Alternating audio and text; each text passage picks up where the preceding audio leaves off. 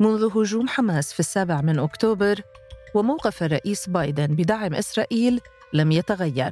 We must be crystal clear. We stand with Israel. We stand with Israel. في مقابل هذا الموقف الثابت هناك تغير في موقف العرب والمسلمين الأمريكيين في الولايات المتحدة من الرئيس بايدن نفسه. Mr. President, the American people are not with you on this one. We will remember in 2024. النائب الامريكيه من أصل فلسطيني رشيده طليب عبرت عن هذا الموقف من خلال رسالة مسجلة قالت فيها: سيد الرئيس، الشعب الأمريكي ليس معك في هذا الأمر. سنتذكر ذلك في عام 2024. إحنا صح جالية قليله في أمريكا بس صوتنا يعني مهم لانتخاب بايدن فهل خسر الرئيس بايدن أصوات الناخبين العرب والمسلمين الأمريكيين؟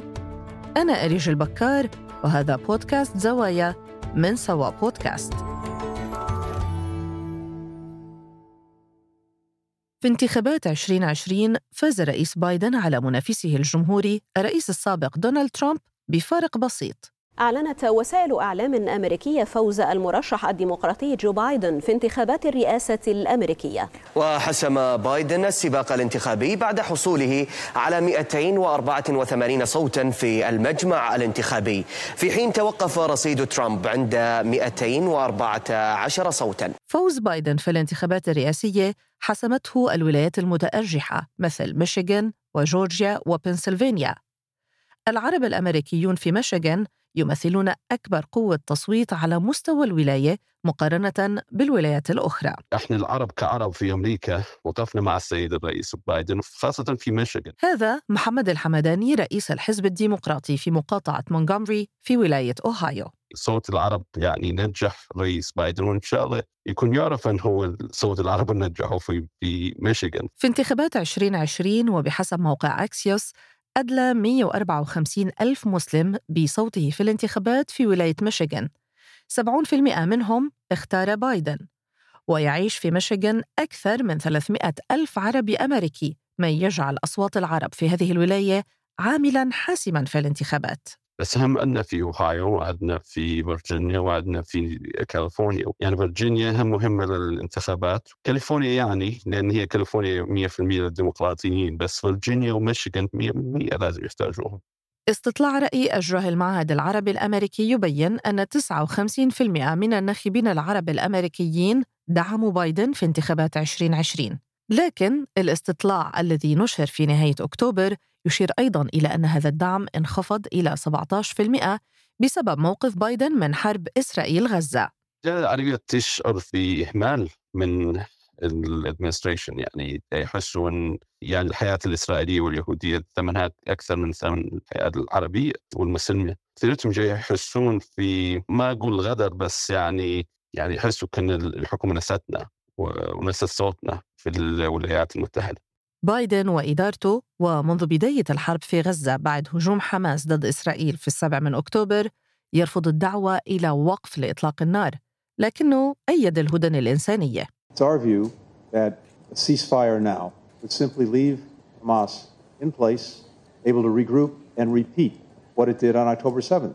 الموقف الأمريكي دفع المجلس الوطني الديمقراطي الإسلامي الأمريكي إلى توجيه رسالة في 30 أكتوبر تطالب باتخاذ خطوات فورية لتأمين وقف لإطلاق النار في غزة بحلول الساعة الخامسة من مساء 31 أكتوبر. وإلا وبحسب نص الرسالة سيعمل المجلس على تعبئة الناخبين المسلمين والعرب وحلفائهم لحجب تأييدهم أو دعمهم أو التصويت لأي مرشح لم يدعو إلى وقف إطلاق النار.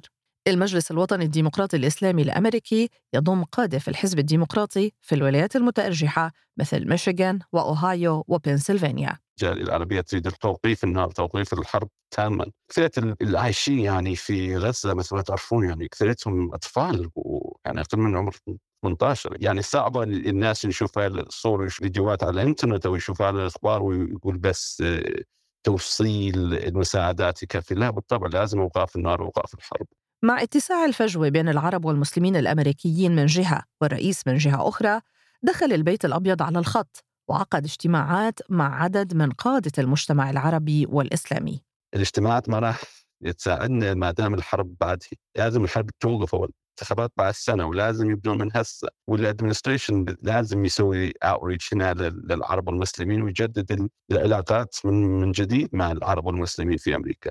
في ظل استمرار الحرب في غزة وتمسك الرئيس بايدن بموقفه الداعم لإسرائيل مع استمرار عملياتها العسكرية في غزة اجتمع قادة عرب ومسلمون في عدد من الولايات المتأرجحة بداية شهر ديسمبر في ولاية ميشيغان وأطلقوا حملة بعنوان تخلوا عن بايدن أو Abandon Biden. And prominent Muslim leaders from critical swing states launched the hashtag Abandon Biden campaign on a national level on Saturday. Now, the campaign is what they say is a reflection of their outrage over President Biden's handling of the Israel Hamas war.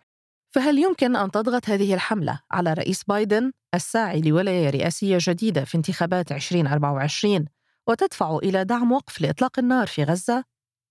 أستاذ العلاقات الدولية في الجامعة الأمريكية في واشنطن العاصمة إدمون غريب.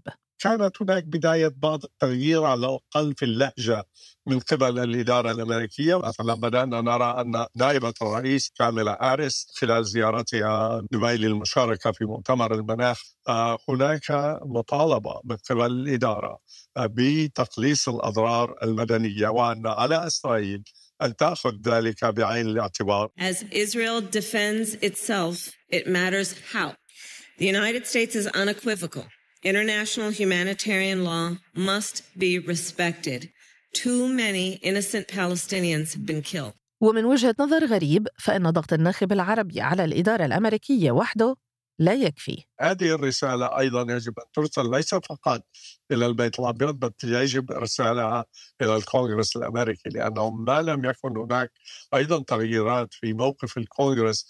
أعتقد أن الإدارة ستجد نفسها في وضع صعب جدا وهي الآن فعلا تواجه وضع محرج جدا وصعب جدا. الموقف الأمريكي من حرب إسرائيل غزة أثار انقساما داخل الحزب الديمقراطي نفسه. الجناح اليساري في الحزب وفق صحيفة وول ستريت جورنال يرفض سياسات الإدارة الحالية ويرى أنها منحازة تماما للحكومة الإسرائيلية وامتد الانقسام إلى الإدارة الأمريكية نفسها. المذكرات التي وجهت من داخل وزارة الخارجية عدة مذكرات انتقدت آه، إلى الإدارة آه، واستقال حتى أحد كبار المسؤولين فيها. جوش بول الذي كان المسؤول عن عمليات نقل الأسلحة آه، لدول الخارجية. قال أنه أخلاقيا لم يعد بإمكانه البقاء ودعم هذه السياسة واستقال إذا يبدو أن استمرار الحرب في غزة يعني تراجع شعبية الرئيس بايدن في الأوساط العربية والمسلمة. ويبدو التوقيت مهما أيضا إذ يفصلنا عن انتخابات الرئاسة الأمريكية عام تقريبا. لكن كيف سينعكس تخلي العرب والمسلمين عن الرئيس بايدن على حظوظه في انتخابات 2024 العرب الأمريكيين والمسلمين الأمريكيين في السنوات الأخيرة كانوا قد اقتربوا كثيرا من الحزب الديمقراطي واعتبروا أنفسهم أنهم مشاركين في هذا الحزب وأنهم مواطنين آه، مثلهم مثل أي مجموعة أخرى من الناخبين.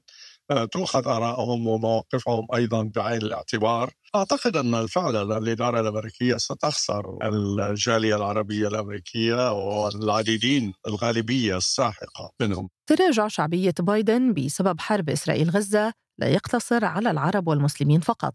فهناك فئات أخرى من المجتمع الأمريكي التي لا تؤيد الموقف السياسي الأمريكي من هذه الحرب. الدعم أو التعاطف الذي برز أيضا في أوساط الجالية الأفريقية الأمريكية هو سيكون مهما جدا وبدأ يقلق الإدارة وذلك لأن هذه الجالية صوتت بنسبة 90% أو أكثر قليلا في الانتخابات الماضية لصالح بايدن والحزب الديمقراطي آه، ولكن حسب آخر استطلاعات الرأي خسر الرئيس حوالي 20% من الدعم له في هذه المجموعة آه، الإثنية في الولايات المتحدة. هناك أيضا الدور الذي يلعبه أو المواطنين ذوي الأصول اللاتينية الأمريكية أعداد كبيرة منهم. أظهرت بأنهم يتعاطفوا مع الفلسطينيين في غزة وهم غاضبين مما يشاهدوه على شاشات التلفزيون وبالتالي فانه إذا لو كان هناك هذا التواصل بين الجاليات العربية الأمريكية والإسلامية الأمريكية مع هاتين الجاليتين فإن هذا سيؤدي إلى أزمة فعلا ساحقة للرئيس بايدن وللديمقراطيين. ولكن إذا تخلى العرب والمسلمون الأمريكيون عن الرئيس بايدن فمن هو البديل؟ وإحنا كمسلمين ما نقدر ننسى شو عمل فينا ترامب. ترامب أول ما جاء ال office أول ما دخل الرئاسه أول قرار انه هو ال Muslim ban يعني فرض دخول المسلمين في أمريكا. صح إحنا زعلانين من بايدن والصح إنه بايدن آه وقفوا في غزة يأذي المسلمين والعرب. بس ما نقدر ننسى شو عمل فينا ترامب. وإلى جانب بايدن وترامب هناك مرشحه حزب الخضر جيل ستاين والمرشح المستقل كورنيل ويست. ستاين وويست دعيا إلى وقف دائم لإطلاق النار في غزة. إذا نصوت لستاين أو نصوت لكورنيل ويست يعني مثل ما نصوت لترامب ضد الصوت العربي. يعني لازم نستعمل أصواتنا بذكاء شوي حتى نقدر نقوي الصوت العربي والمسلمين في أمريكا. لازم يعني نصير استراتيجيك من نستعمل الصوت ده انتخابات الرئاسة الأمريكية ستعقد في الخامس من نوفمبر 2024 وخلال هذه الفترة قد تطرأ مستجدات كثيرة تفرض نفسها على المعطيات الموجودة حالياً. ولكن حتى ذلك الوقت تقف الأرقام الخاصة بتوجهات العرب الأمريكيين ضد الرئيس بايدن وحظوظه في ولاية رئاسية ثانية. استطلاع المعهد العربي الأمريكي يظهر أن ربع العرب الأمريكيين لم يحسموا أمرهم بعد. 18% منهم يفكرون بدعم المرشح روبرت إف كينيدي جونيور و4% قد تذهب أصواتهم للمرشح كورنيل ويست. 20% فقط من العرب الأمريكيين يرون أن أداء الرئيس بايدن كان جيداً وكان تقييم الثلثين منهم لأداء بايدن سلبياً. الثلثان أيضاً من العرب الأمريكيين وفق الاستطلاع لا يريدون للولايات المتحدة أن ترسل أسلحة لإسرائيل. ويعتقدون أن على واشنطن استخدام نفوذها مع إسرائيل والدعوة إلى وقف لإطلاق النار في غزة. مواقف تتناقض مع سياسة بايدن المعلنة من الصراع. فهل تتغير تلك المواقف وتتغير معها اتجاهات التصويت؟ عام يفصلنا عن الموعد الحاسم وصناديق الاقتراع وحدها تملك الإجابة. كان هذا بودكاست زوايا من سوا بودكاست. إعداد وكتابة أريج البكار. مراجعة مينيرفا داغر.